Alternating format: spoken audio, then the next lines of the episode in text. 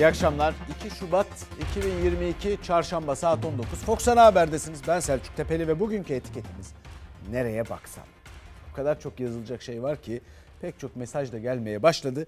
İlk haberimizle bültenin hızlı pek çok ilginç haber var. İlk haberimizle bültenin ne diyecektik burada unuttum arkadaşlar. Açılışını yapalım. Evet.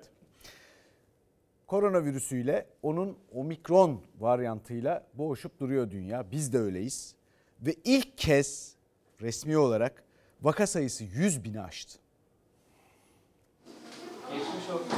Test yaptırdım. Var mıydı şikayet? Var. Boğazda yanma var. Kuru öksürük var çok. İş yerinde arkadaşlar çıkınca ben de mecburen tedbir amaçlı geldim. Hem yoğun bakımda hem servisimizde %15-20 civarında bir artış söz konusu. Hastaneye yatırdığımız hastaların büyük çoğunluğunu da aşısız veya eksik doz aşılı kişilerden oluştuğunu biliyoruz. Koronavirüs salgınında en kritik sınır aşıldı. Günlük vaka sayısı ilk kez 100 bini geçti, 102.601'e yükseldi.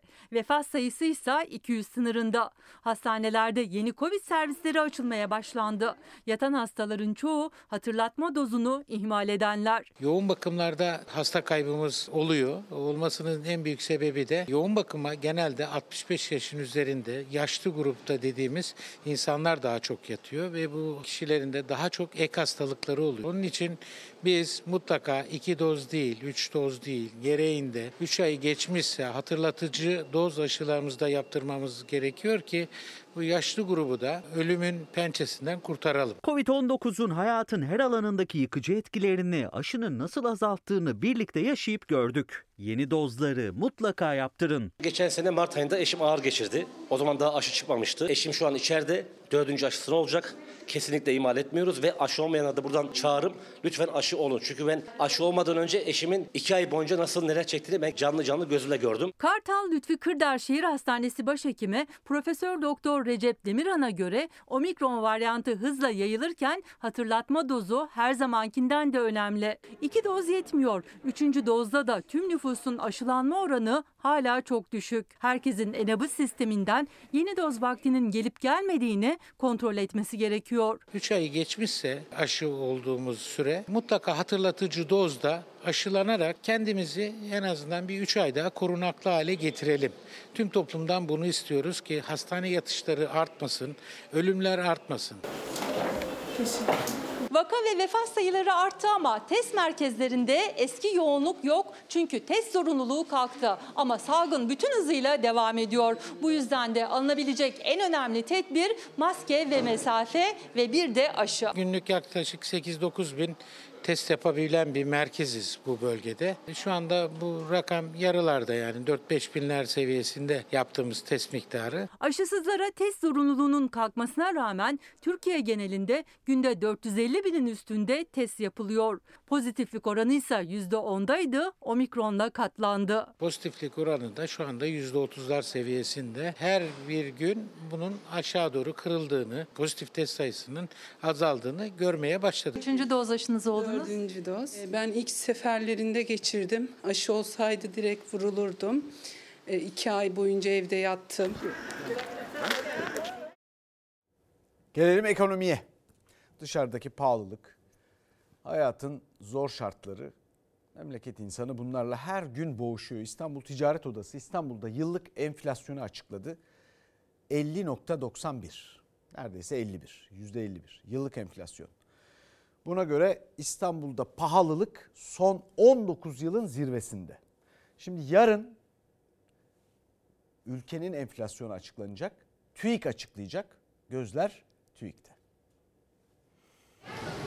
İstanbul'da yaşamak zor. İstanbul'da enflasyon daha yüksektir. İstanbul daha pahalı. %50'nin üzerine geçer. Neleri katıyorsunuz buna? Hangi zaman? Elektrik, su, doğalgaz %100 gibi bir artış değil ki. Bazı ürünlerde %300. Tüketici her alışverişinde öncekinden daha fazla hissediyor pahalılığı. Özellikle de İstanbul'da marketten, pazardan eli boş ayrılıyor. Daha ucuz ekmek için uzun kuyruklarda bekliyor. İstanbul Ticaret Odası'na göre de İstanbul'da yıllık enflasyon %50'yi aştı. Son 19 yılın en yüksek seviyesine çıktı. Çok pahalı. Her şey iki katı, üç katı oldu. Tüketicinin hissettiği enflasyon zaten TÜİK'in açıkladığı rakamın hep üstünde ama İstanbul'da yaşayanlar için durum daha da ağır. Çünkü İstanbul'da kiradan gıdaya kadar her şey çok daha pahalı. %100 İstanbul'dan bahsediyorum. İstanbul'da enflasyonu %100 hissediyor tüketici. TÜİK'in açıkladığı enflasyonsa Aralık'ta %36 idi. Ocak ayı enflasyonun açıklanmasına bir gün kala İTO'nun verileri de ipucu oldu. Çünkü Aralık'ta TÜİK'in 2 puan altında kalmıştı İTO. Ocak ayında denge nasıl olacak merak ediliyor. Enflasyon diş macunu gibidir. Sıkıldıktan sonra geri içerisine geri koymak çok zor oluyor. Önümüzdeki aylarda da yüksek enflasyon devam edeceğini söylemek büyük bir öngörü olmaz. Paramız yetmedi. Yarısı kasada kaldı. Sen aldığını geri bıraktığın zaman ne hissettiğini düşünebiliyor musun? Aynı aşağılanmış gibi. 10 tane 20 tane maaş alıyorken Allah'tan devam bir kilo portakal aramayan bir insana. Devam mı? Yağmur, çamur, soğuk hiçbir şey engel olamıyor. Çünkü geçim sıkıntısı çekiyorlar. Halk ekmek daha büfeye gelmeden büfenin önünde uzun kuyruklar oluşuyor. Bu da İstanbul'daki hayat pahalılığının bir yansıması aslında. Bu insanlara yazık değil mi? Karda, yağmurda, çamurda böyle yaşlılar bile o kuyruklarda bir ekmek için. Bir başımayım bir başıma ben geçinemiyorum. Fırından almaz mısınız? Fırında alınacak gibi mi kızım benim? Bir yerine iki ekmek alabilmek için kuyruğu gözde alıyor İstanbullu. Çünkü en yüksek zammı asgari ücretle almıştı. Oranı %50 idi. İstanbul'un yıllık enflasyonu henüz ilk aydan aynı oranda geldi. Asgari ücret tamam çok güzel. İlk başta çok güzel geldi. Herkese çok cazip bir fiyat olarak geldi. E bu zamlar birden ikiye katlandığı sürede Ne oldu asgari ücrete gelen zam?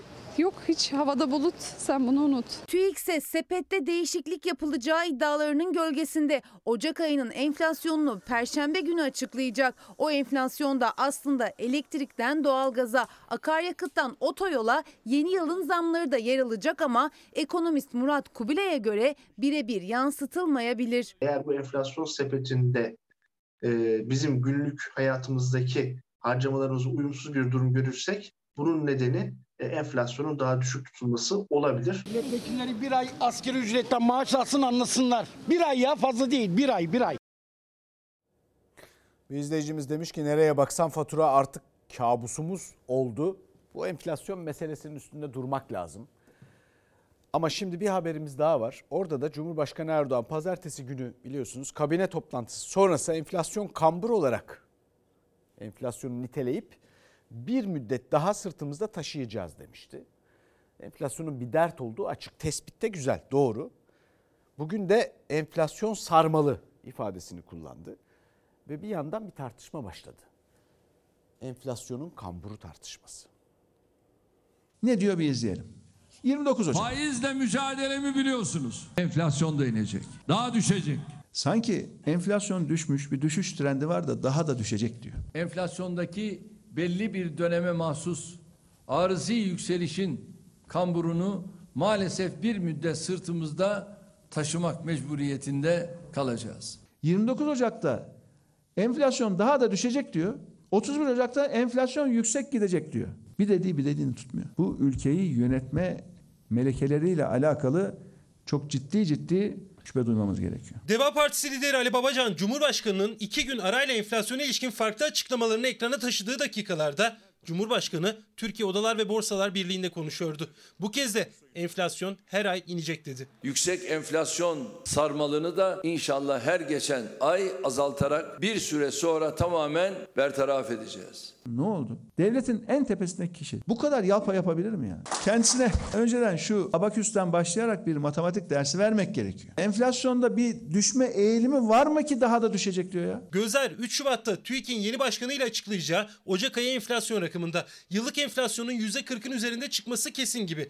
Tahminler %50'ye de yaklaşacağı yönünde. %40'ın üzerinde enflasyon demek 2001'den bu yana ülkenin yaşadığı en yüksek enflasyon demek. Kamburunu maalesef bir müddet sırtımızda taşımak mecburiyetinde kalacağız. Hayat pahalılığını önleyemeyeceğim diyor bakın. Bu kamburu daha taşıyacağız diyor. Ya sebebi sensin bunun ya. Başkası değil ki. Eylül ayından bu yana sürekli enflasyon artıyorsa, sürekli fiyatlar artıyorsa bunun tek sebebi var. Cumhurbaşkanının kendisi başka bir sebep yok. Enflasyonu indirme, hayat pahalılığını yenme vaadimizi de yerine getireceğiz. Beştepe'de hayal görüyor, vatandaşa da Hayal satıyor şu anda. Yaptığı bundan ibaret. Bir gün böyle konuşuyor, bir gün öyle. Süpermarket gibi ha. Aradığın her şey var. Sayın Erdoğan bakın ne diyorsanız şöyle çıkın bir anlatın ya. Sizin ekonomi politikanız nedir bir anlatın. Deva Partisi lideri Babacan iktidarın yol haritası yok derken Erdoğan'ın enflasyonla mücadele sözlerini eleştirirken Cumhurbaşkanı da yeni ekonomi politikasını övdü. Döviz kuru üzerinden ekonomimizin istikrarını bozma gayretlerini aldığımız tedbirler, geliştirdiğimiz mekanizmalarla bozduk. 18 liraya çıkan kuru şimdi 13 liraya düşürdük diye bununla övünüyorlar. Eylül ayında dolar kuru 8.30'du ya. Bundan hiç bahsetmiyor. 20 Aralık'ı hatırlayın. Bir kırılma noktasıdır. Faiz konusundaki dayatmaları etkisiz hale getirdik. Türkiye'de şu anda ihtiyaç kredilerinin, ticari kredilerin faizi fırlamışken, hazine borçlanma faizi patlamışken siz hangi faizi indirmekten bahsediyorsunuz ya? Bugün bizim vatandaşımız bankadan borçlanırken artık daha pahalıya borçlanıyor. İnsanlarla dalga mı geçiyorsunuz Allah aşkına ya? Kimi aldattığınızı zannediyorsunuz? Kimi? Bir yanda faiz kur tartışması, diğer yanda son 20 yılın rekorunu kıran enflasyon rakamı. Gözler TÜİK'te. Şimdi bu enflasyon meselesi ilginç bir mesele. Bir defa enflasyon eğer bu düzeydeyse enflasyonla ilgili pek çok bahane ileri sürülebilir. Siyasetçiler tarafından, hükümet ve iktidarlar tarafından pek çok şey söylenebilir. O bahaneleri de yer veriyoruz zaten ama enflasyon bahane meselesi değil. Bir netice. Öyle bir acayip durum ki bu enflasyon. Enflasyonu düşürdük dediklerinde de düşmeyecek aslında. O yüzden İkinci Dünya Savaşı'ndan sonra Almanya'nın efsane bir 80'lerde efsane bir Merkez Bankası Başkanı var. Diyor ki o Otto Karl Pöll enflasyon diş macunu gibidir. Bir kere çıktığı zaman onu yerine koymak çok zordur. Şimdi bakın enflasyon İTO İstanbul Ticaret Odası %50 açıklamış. Gelecek ay siz onu %45'e indirdik diye söyleyebilirsiniz. Yani gelecek ayın enflasyonu onun üzerine eklenir. O %50 geri gitti. O indi, fiyatlar düştü. Demek değil o. O onun üstüne eklenir. Fiyat neyse onun üstüne eklenir yani. Yani bir süre sırtımızda taşıyacağız demek çok uzun bir süre taşıyacağız demektir. Bu enflasyon meselesi ilginç bir mesele. TÜİK Başkanı bir önceki TÜİK Başkanı biliyorsunuz bu sene dört tane TÜİK Başkanımız var. Dördüncüsü şimdi görevde. Bir önceki insanların hakkını yiyemem dedi gitti. Neden böyle bir şey dediği üstünde yeterince durulmadı. Ne anlatıyordu, ne anlatmaya çalışıyordu bize? Mesela nereye baksak şimdi ekonomide bir yazı tura atılıyor gibi. Doğru hesap yapıldı mı, yapılmadı mı? Fakat bir mesele var. Bu insanların yaşam koşullarını doğrudan etkileyen bu fiyat meselesi, bu enflasyon meselesi, bu fiyat artışları ki gelirleri artmıyor insanların azalıyor giderek. Zam yapılsa bile azalıyor. İşte bu yazı tura atılacak bir mesele değil. Yazıda turada bir paranın iki tarafı. Para aynı para ve o para değerini kaybediyor ve enflasyon dünyanın görmüş olduğu en adaletsiz vergidir.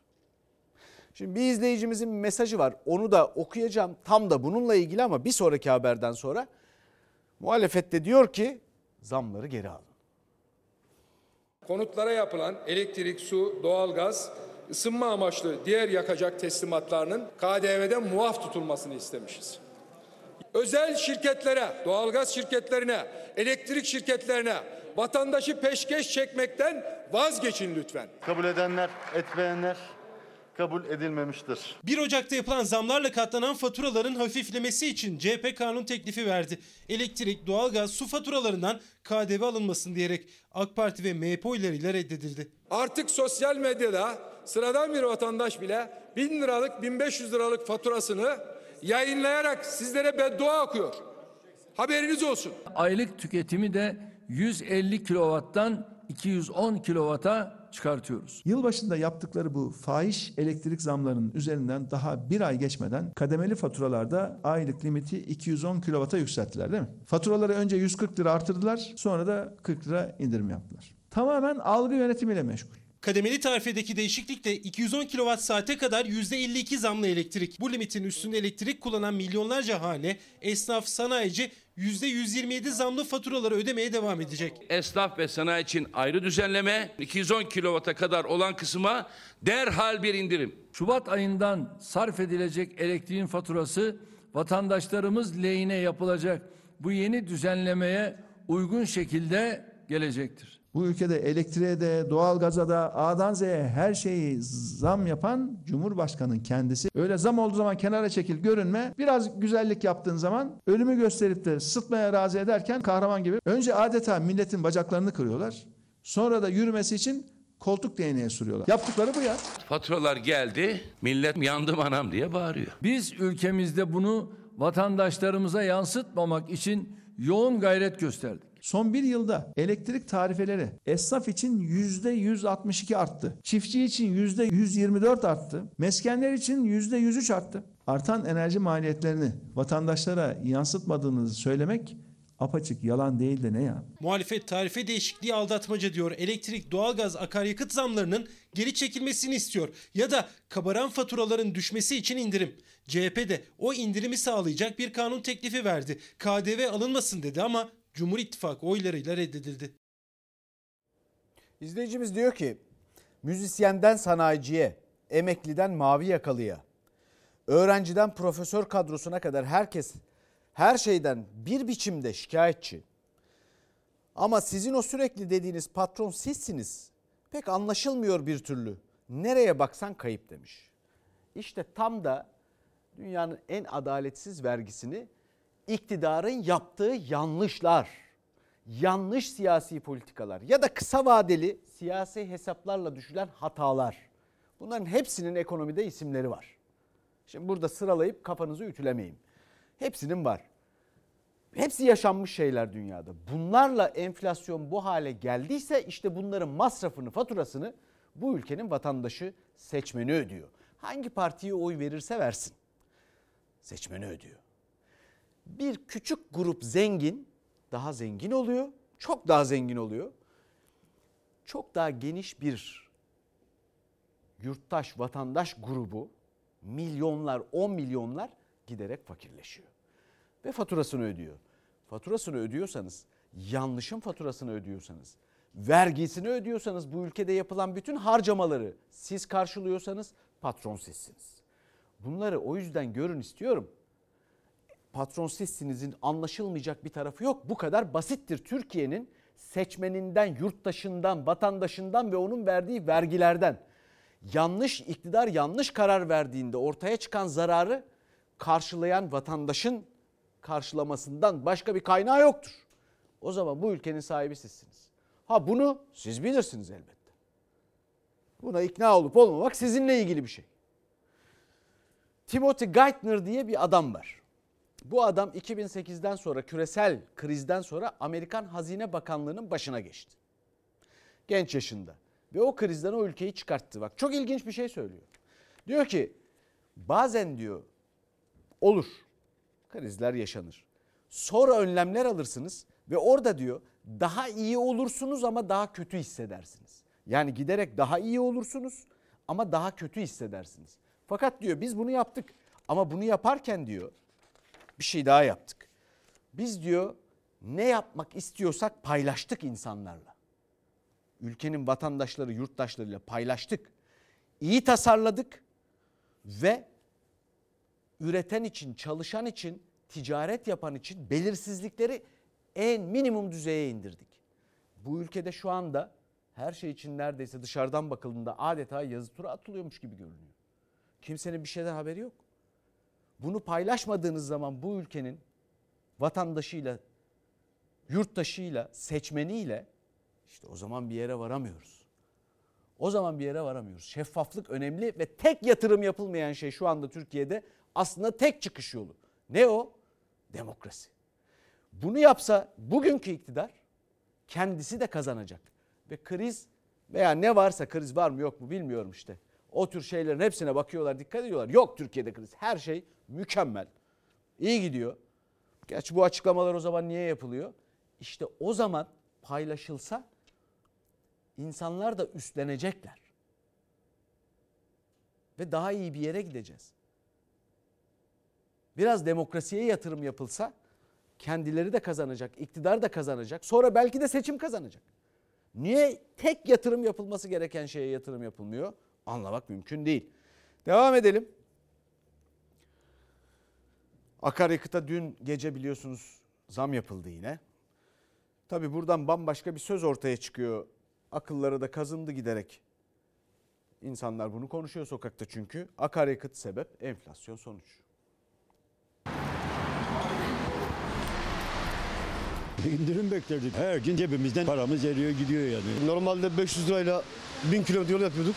Şu anda 1300-1400 lirayla yapıyoruz. Ancak böyle ufak ufaklarla devam etmeye çalışıyoruz. Benzine, motorine yine zam geldi. Litre fiyatları 15 liraya dayandı. Doların düştüğü 20 Aralık'ta benzinin fiyatı 11 lira 60 kuruştu. Sürücüler indirim beklerken hem zamlar birbirini izledi hem ÖTV geri geldi. O tarihten bu yana benzin 2 lira 85 kuruş zamlandı. Bu da ortalama bir depoya 1,5 ayda 150 liranın üstünde zam demek. Sürücüler indirim beklerken benzine 39 kuruşluk bir zam daha geldi. Benzin artık 14 lira 45 kuruş.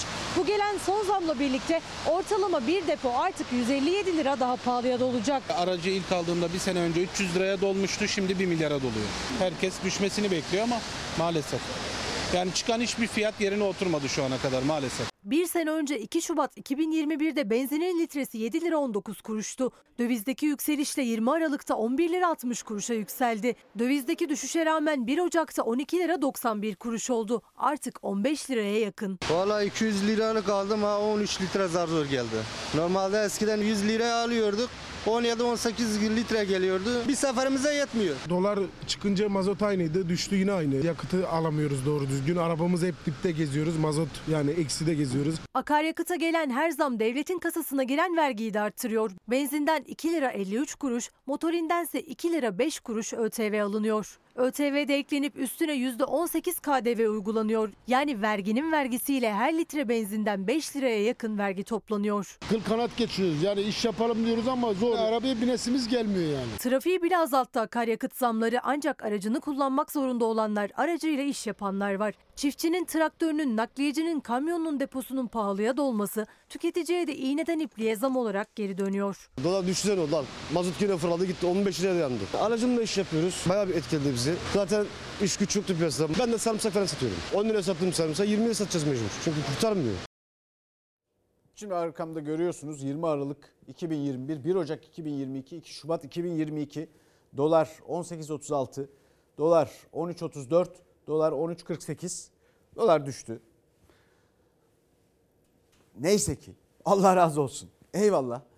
Benzin fiyatlarını görüyorsunuz. 11.60, 12.91, 14.45. Bunun yükselmesinde de şunu not edelim. Dünyada e, akaryakıt fiyatları, petrol fiyatları artıyor.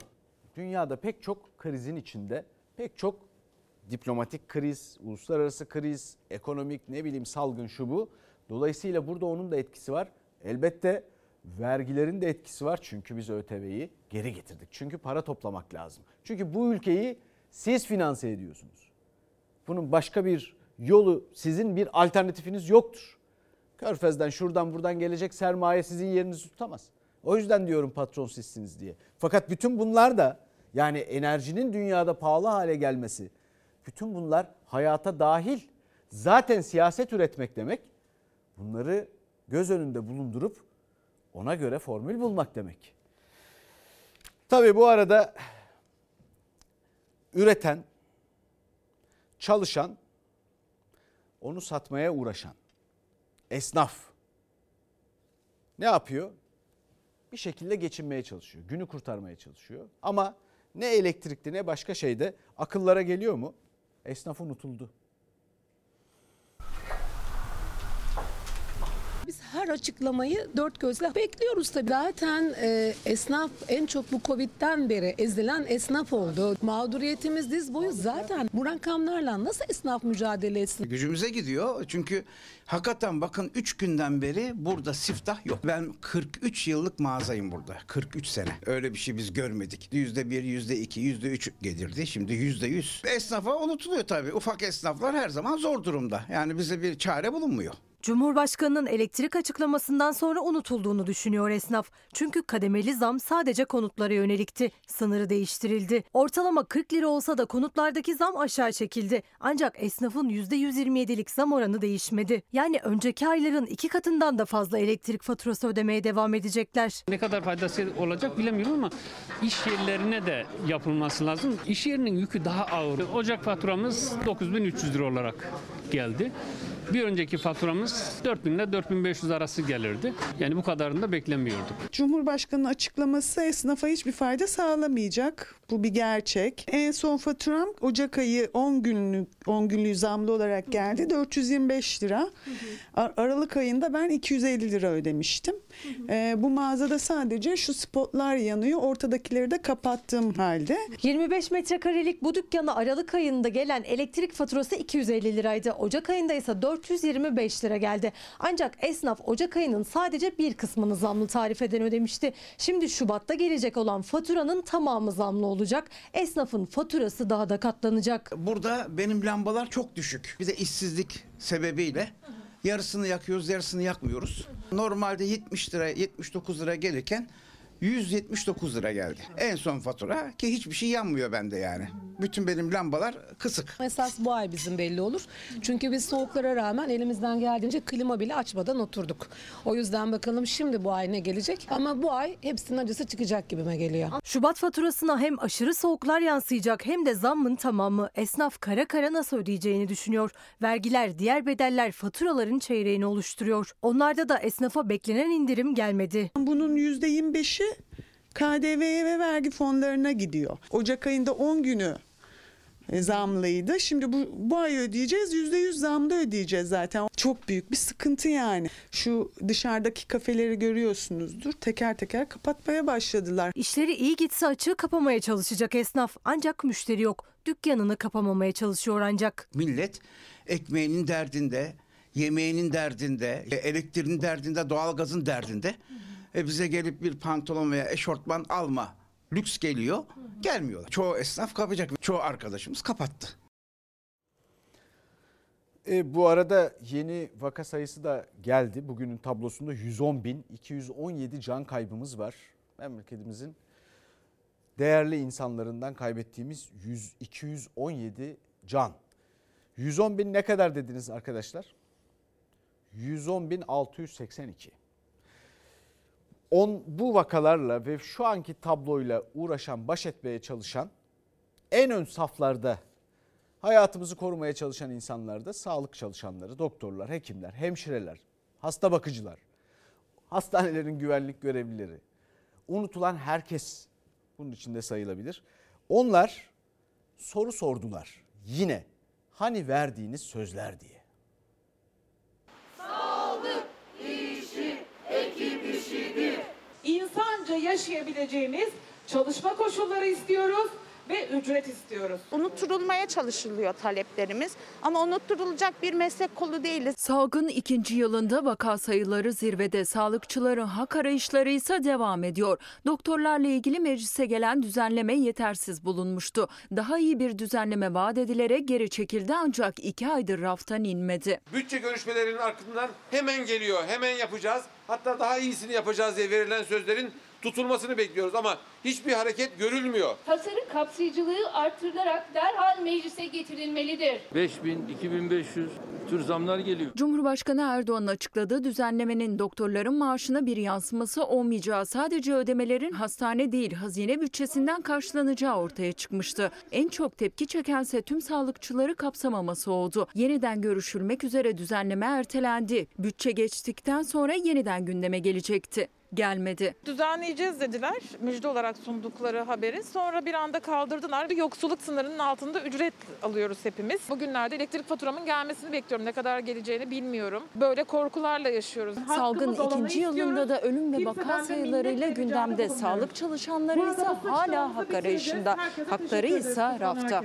İnsanlar Aralık ayında hak ettikleri ek ödemeleri ve nöbet paralarını dün hala alamamışlardı. İnsanların ödeyecek faturaları var, kira bedelleri var. Hani tuzu kuru sayılan bir meslek grubu olarak hekimler görülebilir ama açıkça söyleyelim arkadaşlar. Biz de geçinemiyoruz. Doktorlar beyaz nöbetle seslerini duyurmaya çalışıyor. Maaşlarının düzeltilmesini, uzun nöbet saatlerinin gözden geçirilmesini istiyorlar. En önemli istekleri de koronavirüsün meslek hastalığı sayılması. Salgının başından bu yana dile getirdikleri bu talepleri içeren düzenleme meclisten geçmezse 8 Şubat'ta greve gidecekler. Biz mücadele ediyoruz, biz varız. Ülkenin kamusal sağlığın yükünü biz kaldırmaya çalışıyoruz. 8 Şubat'ta tüm yurtta acil hizmetler dışında sağlık hizmeti sunmayacağız. Şimdi dün bir haber vermiştik. Kanal İstanbul'la ilgili biliyorsunuz orada bir emlak piyasası açıldı yine. Dünyaya da konu oldu. Dünyanın daha çok körfeze doğru olan yani e, Arap zengin e, petrol zengini Arap ülkeleriyle ilgili e, bölümünde konu oluyor gibi görünüyor. Şimdi biz de arkadaşlarımız da oraya gittiler. Söz konusu bölgeye. İşte o pazarlanan köyler.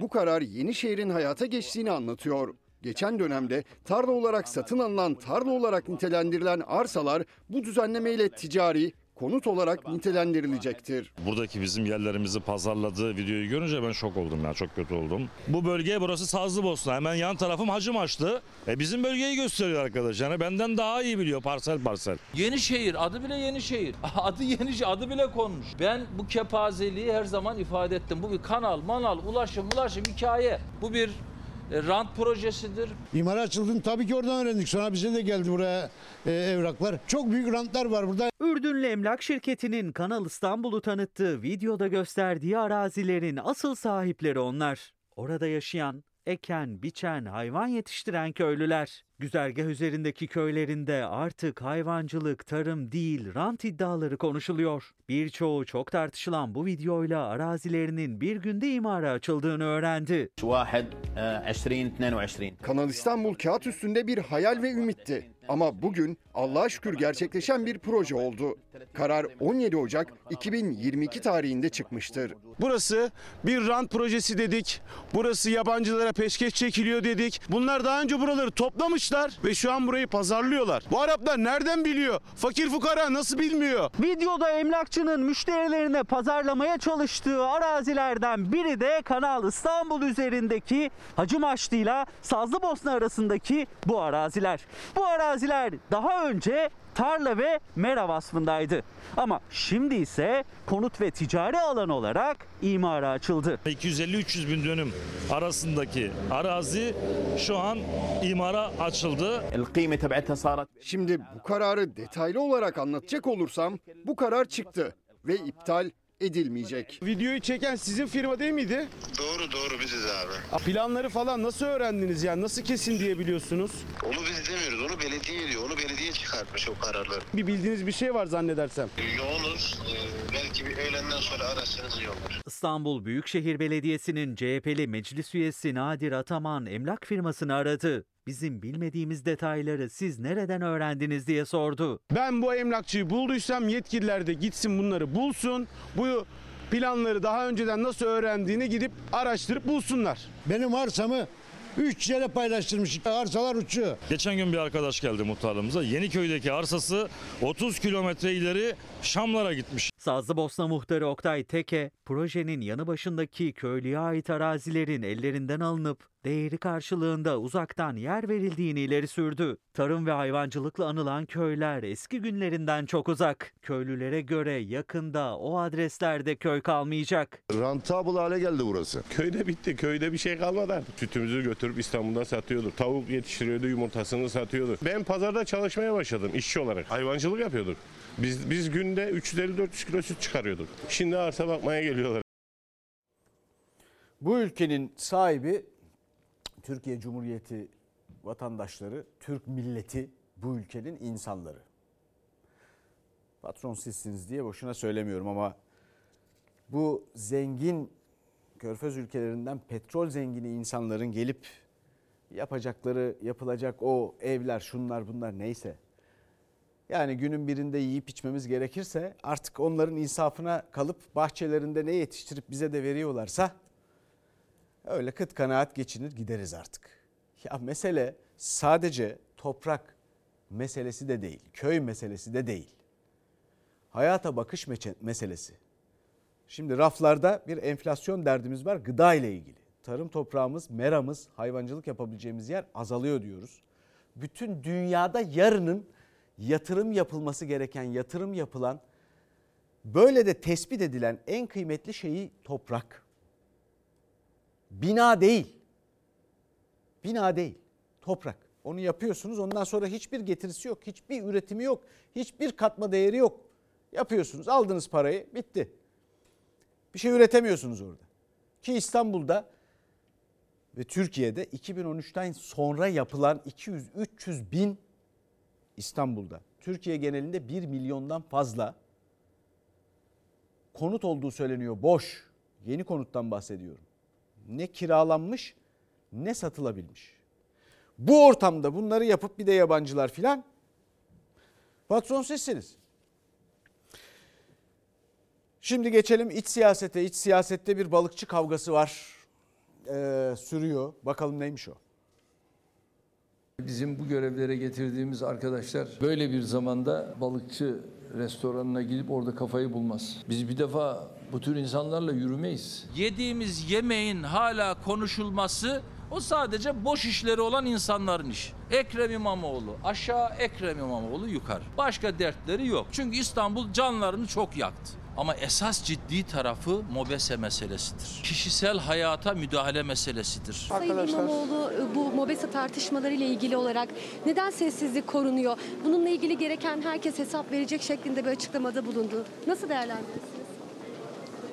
Cumhurbaşkanı Erdoğan Kılıçdaroğlu bir şey yapmıyor biz olsak gereğini yaparız derken İmamoğlu'nun yemeğe gittiği anlara ilişkin MOBESE kayıtlarının servis edilmesi konusunda İçişleri Bakanı yine sessiz kalmayı tercih etti. CHP MOBESE tartışmasını genel kurula da taşıdı. Watergate skandalından aşağı ve daha düşük görmem. Böyle bir suç için Amerikan başkanı istifa etmek zorunda kalmıştır.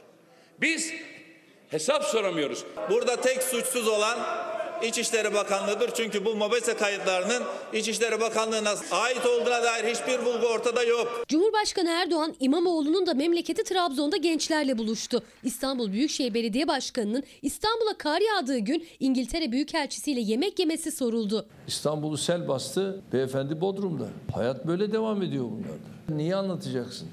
31 Mart 2019'da İstanbullu Erdoğan'ın kulağını çekti. Kulağını uzatmaya devam edince millet 23 Haziran 2019'da Erdoğan'a okkalı bir şamar attı. Anlaşılan bu ki şamarın acısı hala geçmemiş. İstanbul'da zaten bizden sonrakilere kalan bir şey olmadı ki. Ne yaptıysak biz yaptık. Olmayan bir şey vardı. Sarıyer Kahraman'da balık yemek. Çünkü bizim öyle bir derdimiz yoktu. Bu konu geçtiğinde gözlerimin içinde çakan şimşekleri herkes görsün. Benim kişisel alanıma müdahale etme densizliğini, ahlaksızlığını gösteren devletin hangi kademesinde kim varsa hesabını verecek. Ama bugün ama yarın. Cumhurbaşkanı Erdoğan İmamoğlu'nun balıkçıya gitmesine tepkili ama sadece savcılık talebıyla alınabilecek MOBESE kayıtlarının nasıl sızdırıldığı konusunda sessiz. O kameranın başında kim oturuyordu? Ona bu talimatı kim verdi? Hangi amiri? Ona o talimatı hangi müdürü verdi? İstanbul Emniyet Müdürü bu işin içinde mi? İstanbul Valisi bu işin içinde mi? Haberdar değillerse cevabını versinler. Sayın İmamoğlu MOBESE tartışmaları ile ilgili olarak bununla ilgili gereken herkes hesap verecek şeklinde bir açıklamada bulundu. Nasıl değerlendirirsiniz? İçişleri Bakanı Soylu sorumluluğundaki MOBESE kayıtlarının servis edilmesiyle ilgili İmamoğlu ve CHP cephesinden gelen açıklamalara yanıt vermedi yine. CHP ise özel hayatın gizliliğinin ihlal edildiğini söyleyerek mecliste genel görüşme talep etti. Yani bakanın gelip bilgi vermesini. Eski bakan çok güzel söylüyor. Bu FETÖ'vari bir taktiktir. FETÖ zihniyeti devlette hala sirayet etmiş izini ve yöntemlerini korumaya da devam ediyor. MOBESE görüntüsü hangisi? Eğer bu hukuken suçsa hukuk da gereğinde yapsın.